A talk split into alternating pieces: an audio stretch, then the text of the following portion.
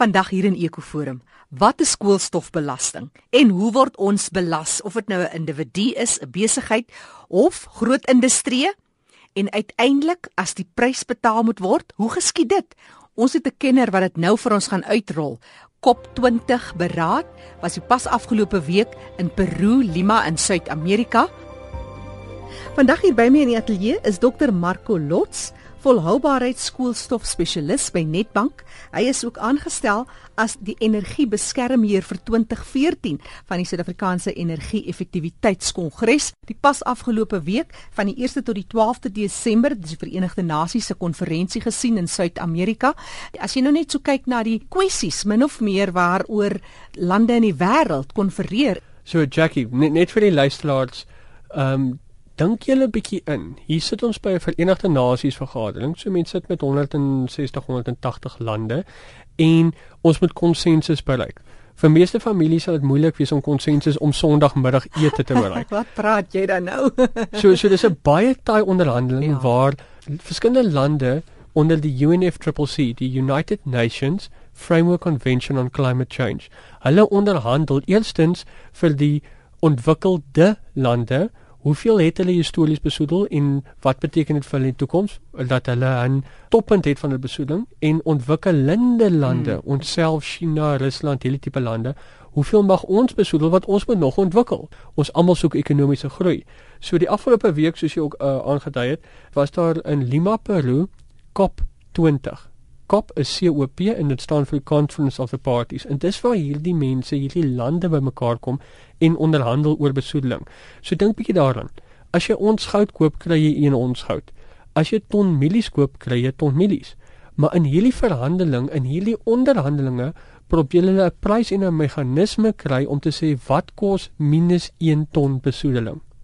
En dit vat bietjie tyd om om om deur te kou dat jy vir iemand kan sê as jy te veel besoedel, gaan jy 'n boete kry.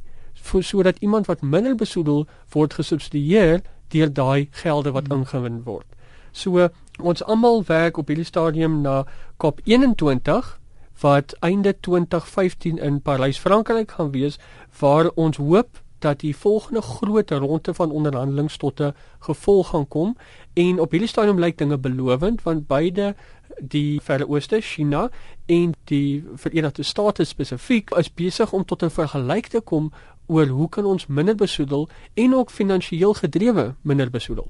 Bring dit vir ons huis toe. Goed. In Suid-Afrika, wat gebeur en waar vergelyk Suid-Afrika teenoor die lande? Daar word gesê dat die ontwikkelende lande is eintlik ook nie so onskuldig soos baie keer gesê word nie. As jy kyk na die Afrika kontinent teenoor byvoorbeeld in Noord-Amerika, Wel, Noord-Amerika is histories 'n groot sondebok natuurlik met Europa, maar India en Rusland en China is besig om 'n verskriklike tempo hulle intaal. Maar dink bietjie so daaraan. Suid-Afrika, ek kan of jy sê Jessie, weet jy, ons besoedel eintlik nie baie nie van wêreld kweekhuisgasbesoedeling besoedel ons 1 tot 2%. Of ek kan vir jou sê, weet jy, daai selfe inligting beteken dat Suid-Afrika min of meer die 14de grootste besoedelaar in die wêreld is. Dis nogal hoog op die lys. Presies.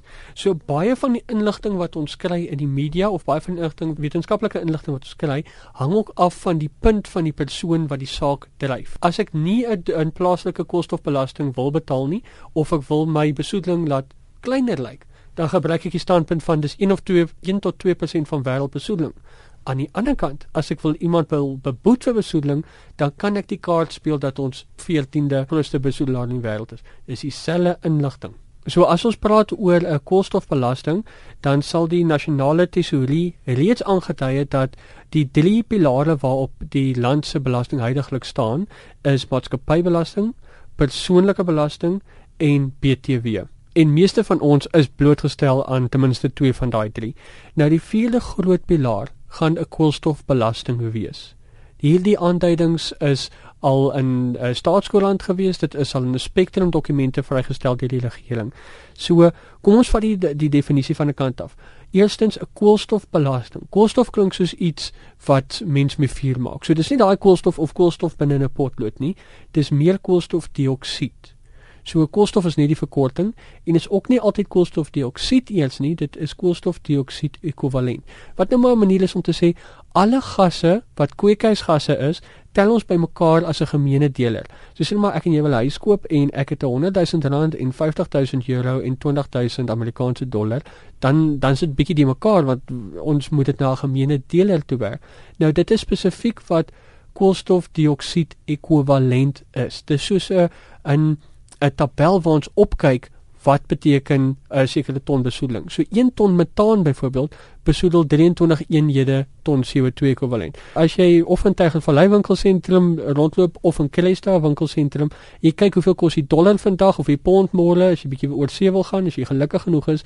Dis presies wat ons doen uit 'n wetenskaplike oogpunt om besoedeling bymekaar te kan tel. Want anders hoe tel ek metaangas bymekaar by koolstofdioksied? Nou die koolstofdioksied ekwivalentbelasting is natuurlik nou 'n lang woord, so dit word afgekort vir koolstofbelasting daar's ook verskillende tipes belasting. So die een tipe belasting is veronderstel ek ry met my motor uh, hier na die ateljee toe, dan besoedel ek van die brandstof word verbruik. Daar's ook natuurlik die elektrisiteit wat die ateljee aan die gang hou. Mm -hmm. En die derde tipe be, uh, besoedeling sal tipies wees waar iemand anders namens jou besoedel. So veronderstel ek vlieg af Kaap toe. Ek het nie op hierdie stadium my eie vliegtuig nie, so uh, ek gebruik 'n uh, lugredery en dan besoedel hulle namens my. Hmm. En afhangende van hoe mens kyk na die koolstofbelasting, sal mens vir verskillende fasette anders belas word. Maar dit is baie belangrik dat die luisteraar weet dat hierdie belasting is op pad en sekere deel van dele daarvan bestaan reeds. Kom kom kom ek stel dit so. Kan jy dink in die vroeë 90s Voorstel iemand het vir my of vir jou Jackie gesê ons gaan ons inkopies doen en dan gaan ons betaal vir 'n plastiese sak. Ja nee, ons het dit gesê, vergeet dit. Ek smaak dit weg. Hoe kan jy dit nou van my verwag dat ek dit moet betaal? Presies. En mm, vandag, mm. as jy inkopiesak wil hê, gaan jy daarvoor betaal. Mm. Nou die betaal vir 'n inkopiesak kan gesien word ten minste as 'n tipe koolstofbelasting of as iemand onlangs 'n nuwe motorkar gekoop het. Daar's reeds op die kapitaalwaarde van die motor 'n koolstofbelasting vir die besoedeling. Hoe weet Jan en San Alaman dat dit wel na die regte kanale gekanaliseer word? Die nasionale tesourie het baie pertinent gesê hulle gaan nie die uh, verskillende gelde of die koolstofbelasting apart hou van ander belasting nie. So die nasionale tesourie sê alle staatsgelde kom in na of belastinggelde kom in na die staatskoffers toe en dan word dit gebruik soos nodig. So dit is nie te sê dat enige belasting op drank byvoorbeeld drankvermindering of drankrehabilitasie gaan bereik. Net so gaan enige besoedelingsbelasting nie noodwendig eweredig gebruik word aan besoedeling vermindering nie. Ek sien. En dis hoogs kontroversieel. Die vergadering probeer ook uitsorteer ontwikkelde lande wat histories soveel besoedel het, hoe moet hulle terugstaan of wat doen ons in die omgewing? 'n jaarlikse vergadering waar die Verenigde Nasie lande bymekaar kom en dan onderhandel oor besoedel. Nou dink bietjie daaroor. Uh Jackie, ek en jy 'n paar jaar terug ons loop in 'n hardeware winkel in en dan koop ons een van hierdie ligte wat nog so draadjie ingehaat ja, ja. het. In Engels die incandescent bulbs. En nou as ek hier opkyk na die dak van die ateljee met sal nie meer so lig kry nie. En dit is die tipe impak wat hierdie omgewingsverdragte kan hê want die Kyoto protokol verbind Suid-Afrika en 'n spektrum ander lande om na 'n meer volhoubare wêreld te beweeg en dit kan die produkte wat ons maak as land affekteer, dit kan die produkte wat ons invoer en die koste daarvan affekteer en selfs hoe ons kragsentrale bou, mm. kragstasies bou. Al die goeders het 'n impak daarop omdat ons internasionaal 'n verdrag teken en sê ons as Suid-Afrika sal ons besoedeling verminder. En natuurlik as 'n bank, ons moet ook die verandering finansier en dit is waar ons ook 'n rol kan speel. En op wie is dit gefokus? Individue, industrie, lande? Wat sou jy sê? Dit is gefokus op lande. En soos vir die verdrag deur lande geteken word, affekteer dit die maatskappye binne in daai land en daai maatskappy binne in die land affekteer weer tot 'n groot direkte mate die mense wat vir hulle werk of hulle kliënte. Dit begin as lande wat 'n ooreenkoms teken, maar Jackie het affekteer my, jou en jou luisteraars. Wat sê ons vir mense? Jy weet, as ons nou kyk na Suid-Afrika, jy praat van ons lê 14de op 'n wêreldlys wat eintlik redelik hoog is. As 'n mens kyk na ons vergelyk met byvoorbeeld 'n ander land in Afrika, lewe ons regtig so onverantwoordelik in aanhalingstekens? Jackie, Suid-Afrika is 'n fascinerende land. daar is 'n handjievol mense wat net soveel besoedel asof hulle Amerikaners is wat aan die toppunt van die spektrum van besoedeling is en daar's daar 'n groot gros mense wat nie toegang het tot wat ons sal beskou as basiese dienste nie en hulle besoedel soos baie ander nasies in Afrika baie baie min. So die gemiddelde Suid-Afrikaner is 'n baie moeilike konsep. Maar definitief vir jou luisteraars, 'n baie belangrike punt is om te weet alle besoedeling gaan 'n finansiële waarde in die toekoms hê.